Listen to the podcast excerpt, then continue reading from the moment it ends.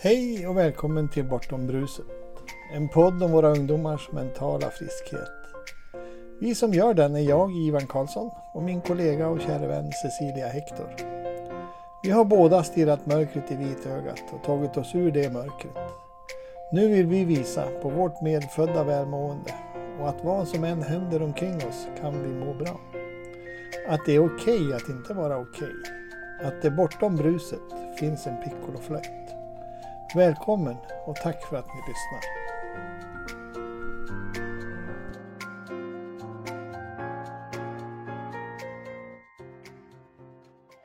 Hej och välkommen till Bortom bruset. Idag är det episod 17.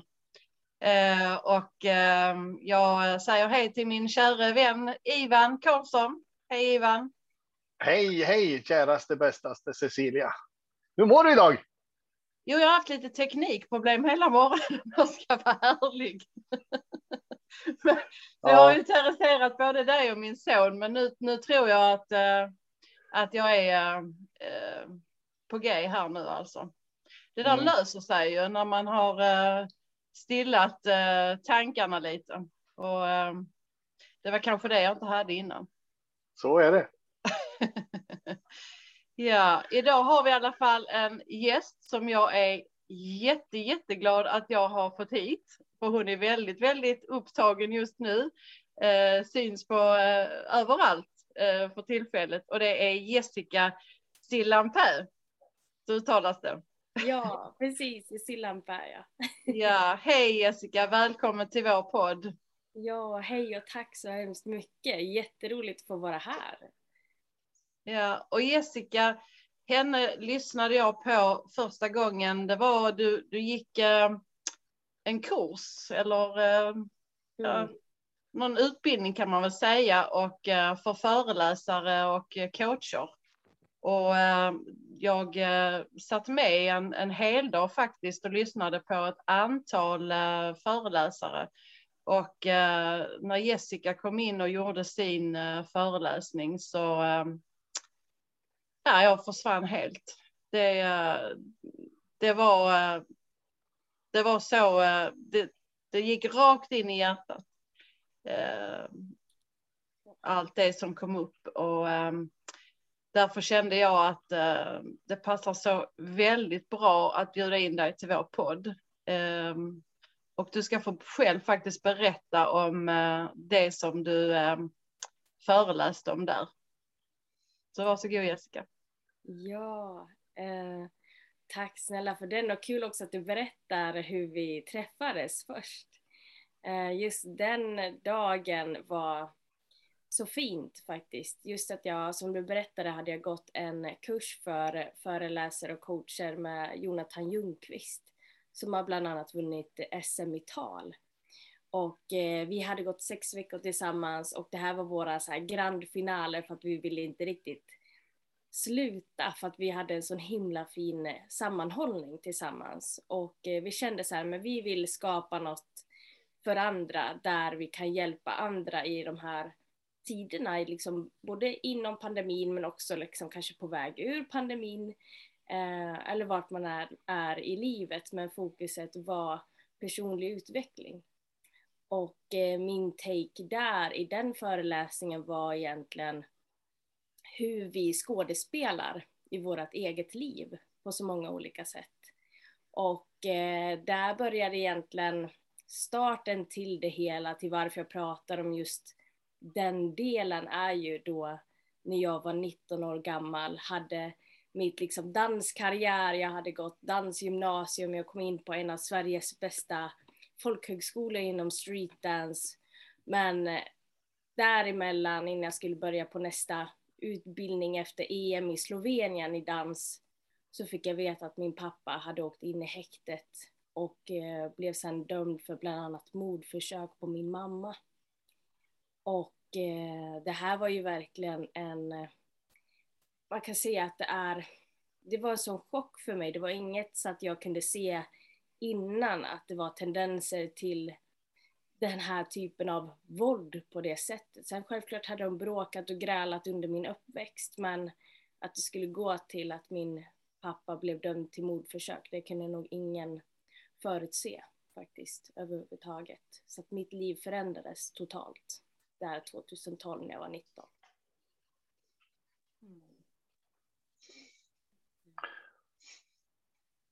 Det är alltså en, en traumatisk upplevelse utöver det vanliga.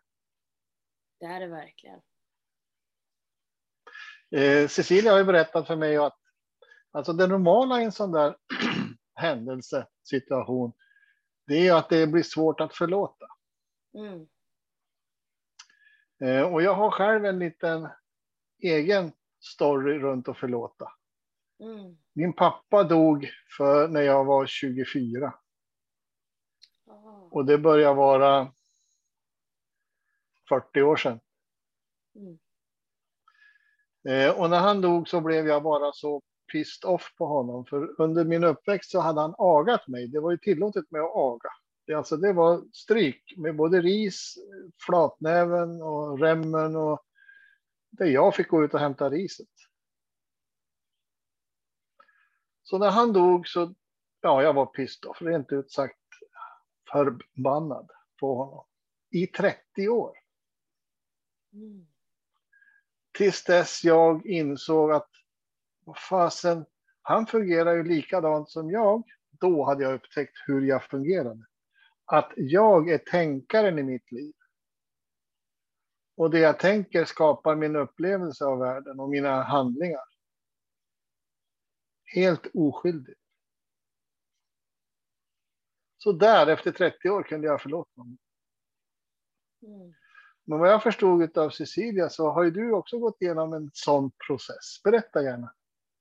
Ja, men vad, vad fint att du delade just den biten och ta upp just förlåtandet. Ehm, som du säger, för dig tog det 30 år och eh, det kan både gå ännu längre eller också kortare. Och ehm, för mig så blev det egentligen att jag blev som min pappas förälder. Det var som att vi bytte roller när han åkte in. Och eh, i den här berättelsen då när han som sagt åkte in så fick jag också fullmakt på hela hans liv. Och eh, där gjorde ju att jag fick ta ansvar egentligen för allt han hade utanför fängelset men också egentligen innanför fängelset. Och eh, där så hade vi en period där vi verkligen jag var egentligen, jag gick in i överlevnadsinstinkten på så många olika sätt. Men eh, ilskan och så kom nog mycket liksom i början, eh, så kom det under vägens gång och så kom det även en del efteråt. Men eh, det var nog inte förrän när pappa väl fick komma hem efter fem år så eh, hade jag gått in i väggen, jag hade spytt blod bland annat och Eh, blev sjukskriven då, då var jag 24 år gammal. Eh, och det var där som jag insåg att jag behöver hjälp. Så att jag gick faktiskt till en psykolog och insåg att jag hade varit medberoende i hela det här. Känslomässigt mest. Och eh, sen därifrån bestämde jag mig faktiskt för att tillba ta tillbaka mitt eget liv. Jag hade förlorat fem år av mitt egna liv för att ta hand om någon annan. Och eh, den vägen var verkligen en personlig utvecklingsresa med både mental och fysisk träning på olika sätt. Och eh, det är nu när jag verkligen, ska vi säga 2020 så bestämde jag mig för att jag ville prata om det jag hade varit med om. Så i, ska vi se, i slutet på augusti 2020 bestämde jag mig. Så jag kommer ihåg att jag filmade mig själv och försökte prata om den här händelsen och insåg att oj, det här är fortfarande jättejobbigt för mig att berätta offentligt. Och eh, i den här resan under vägens gång så startade jag också igen företaget som jag har nu, Jessica Story, eh, januari 2021. Och i den här processen så insåg jag också för att bli fri helt och hållet så behöver jag också förlåta helt och hållet. Och eh, jag gjorde det också tidigare faktiskt, att jag förlät honom. Men det var nog inte förrän i den här processen egentligen som jag förlät honom på riktigt. Och eh, jag har även påmint honom också och sagt att jag förlåter dig pappa, men jag kommer aldrig rättfärdiga handlingen. men jag förlåter dig. Och eh, det var inte bara för hans skull, utan också främst egentligen för min egen skull. För att bli fri från mitt känslomässiga fängelse kopplat till det här. På vilket sätt idag eh, eh, jobbar, jobbar du nu för eh, eh att hjälpa andra eh, med ditt företag? Och, eh, jag var ju inne på den här brottsofferveckan där du också är engagerad. Mm. Vad är det liksom för arbete som du gör där? I sådana sammanhang som nationella brottsofferveckan så var det ett tema som heter eh, barnen som blev kvar om dödligt våld. Och då tog man in mig som anhörigexpert då med just de erfarenheterna egentligen. Och eh, då fick jag berätta utifrån min berättelse, eh, men också vad jag hade behövt, bland annat. Så att jag kommer in i sådana panelsamtal kan man säga i det offentliga idag. Eh, det har varit något tidigare som heter samhällskontraktet, där har liksom varit fokus på vård till exempel, och också pratat om utanförskap till det yttersta. Och eh, det som egentligen berör egentligen just hur man påverkas av ett brott eller någon annan traumatisk händelse så kan det gå otroligt fel för att man står inför så många vägval för att hela ens liv rubbas. Och eh, det jag gör i sådana samtal då är faktiskt berätta hur det var för mig och hur det kunde ha gått och hur det faktiskt gick. Och eh, ett exempel är också, jag har två äldre syskon och vi alla tre har varit med om exakt samma sak. Men vi har tagit tre helt olika vägar. Och eh, mm. det är också superintressant hur, hur man faktiskt kan gå så olika även fast man har varit med om exakt samma sak. Mm. Och det är tydligt ja. att vi lever i parallella verkligheter, att vi eh, uppfattar det utifrån vad vi får för tankar kring eh, kring det vi är med om. Men jag tänker, ehm, kan du beskriva lite mera vad det var egentligen? För att, som jag uppfattade när, när du har berättat om din pappa så var han ju, även om de hade eh, sina bråk hemma, så, så var det ju ändå, ni hade ju ändå det ganska bra. Mm. Där, däremellan bråken eh, och de eh, startade en, en eh, firma ihop och jobbade tillsammans, din mamma och pappa. Ja, exakt. Eh, så att det var ju, det var ju en barndom också med, med, som var bra på många sätt. Mm. Som jag förstod det. Ja. Eh, och hur, hur detta här liksom eh, vände upp och ner på, på den bilden. Mm. Kan kanske berätta lite om om din, eh, din upplevelse kring det. Ja, nej men hela min uppväxt så har ju mina föräldrar varit, varit egenföretagare. De eh, var torghandlare eh, väldigt, väldigt länge. Och eh, vi, man kan säga att eh, de jobbade väldigt hårt, mina föräldrar, så att jag träffade dem ofta så på kvällar, eh, men då var det mer att man skulle liksom sova eller så, så jag träffade dem faktiskt inte så superofta, vilket jag tyckte var, eh, bara det var en sorg i sig, men när vi väl fick de här stunderna när de var lediga en lördag ibland, om de inte jobbade på marknader, så var det de stunder jag verkligen uppskattade när vi hade tid tillsammans. Och det var det jag verkligen värdesatte. Men eh, det gjorde jag också egentligen när hon stod på liksom, marknader och sånt så brukade jag faktiskt åka med när jag var yngre för att jag tyckte att det var kul. Och, eh, och sen också få vara nära mina föräldrar. Men det som var egentligen konsekvenserna av det här att de jobbade så mycket var ju att de körde sin egen hälsa i botten. Och eh, det blev allt ifrån liksom psykisk ohälsa till att pappa hade kollapsat liksom på, i hallen för att han gick in i väggen och det var det var mycket mm, bråk också kopplat till det här, för de var så himla utmattade de dagarna.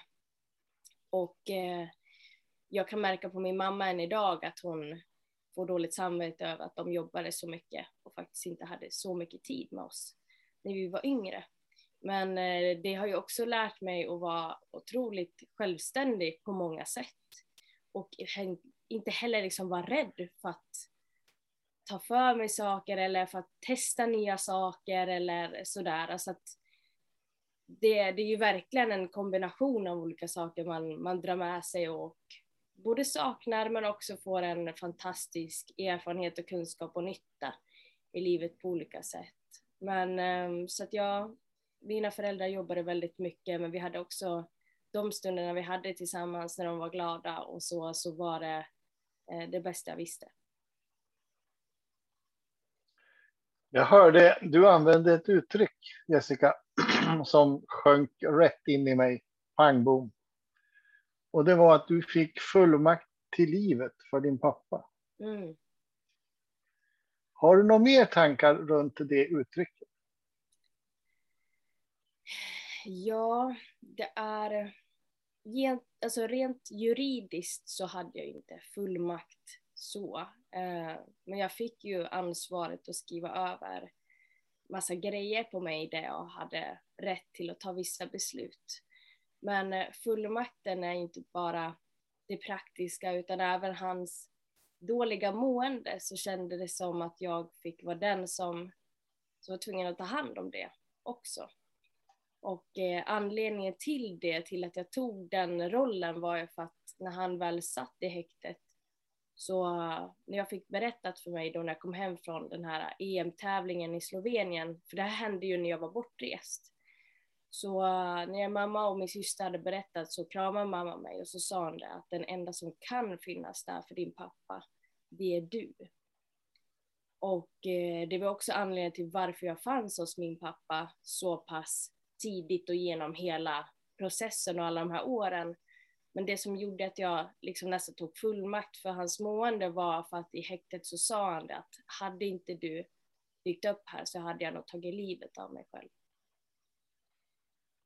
Alltså jag, jag ser ju den andra sidan av myntet, fullmakt till livet. Det är ju mitt eget fullmaktstagande för mitt eget liv. Mm. Och det blev för mig hur tydligt som helst där då. Ja, det kan vara 2007. Jag hade en personlig kris.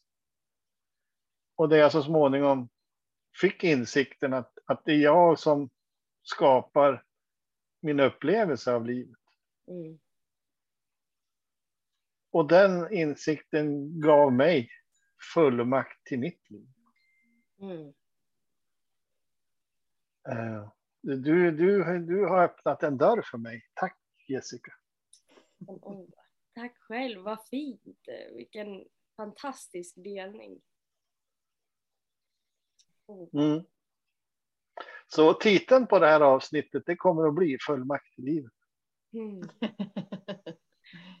Men det där, det där är så, så vackert som du säger. Alltså, så många olika takes på det också. Som du säger, det är mm. inte bara en del utan även nu när jag gör mitt egna arbete och verkligen fokuserar på mig själv idag på många sätt för att kunna hjälpa andra så har jag ju verkligen tagit fullmakt över mitt eget liv.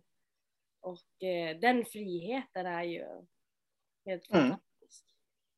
Alltså den öppnar ju en, en, en, en, en sjö av möjligheter och den här sjön är bottenlös. Mm. Exakt. Tack. Ja, tack. Gud vad vackert. Eh, jag tycker det här är ett alldeles perfekt sätt att avsluta den här podden. Ursäkta mig, men alltså jag, jag ryser. Åh. Gud. Tack Jessica. Du kommer för alltid att finnas här inne hos mig. Oh, tack snälla och detsamma också. Det här, just det budskapet tror jag, som du säger, det känns så himla klockrent för att alla som lyssnar på det här också, just den här mm. fullmakten i sitt eget liv, att det mm. verkligen tar med sig det. Mm. Det är så otroligt frigörande på så många sätt. Mm. Tack Jessica. Tack så mycket Jessica.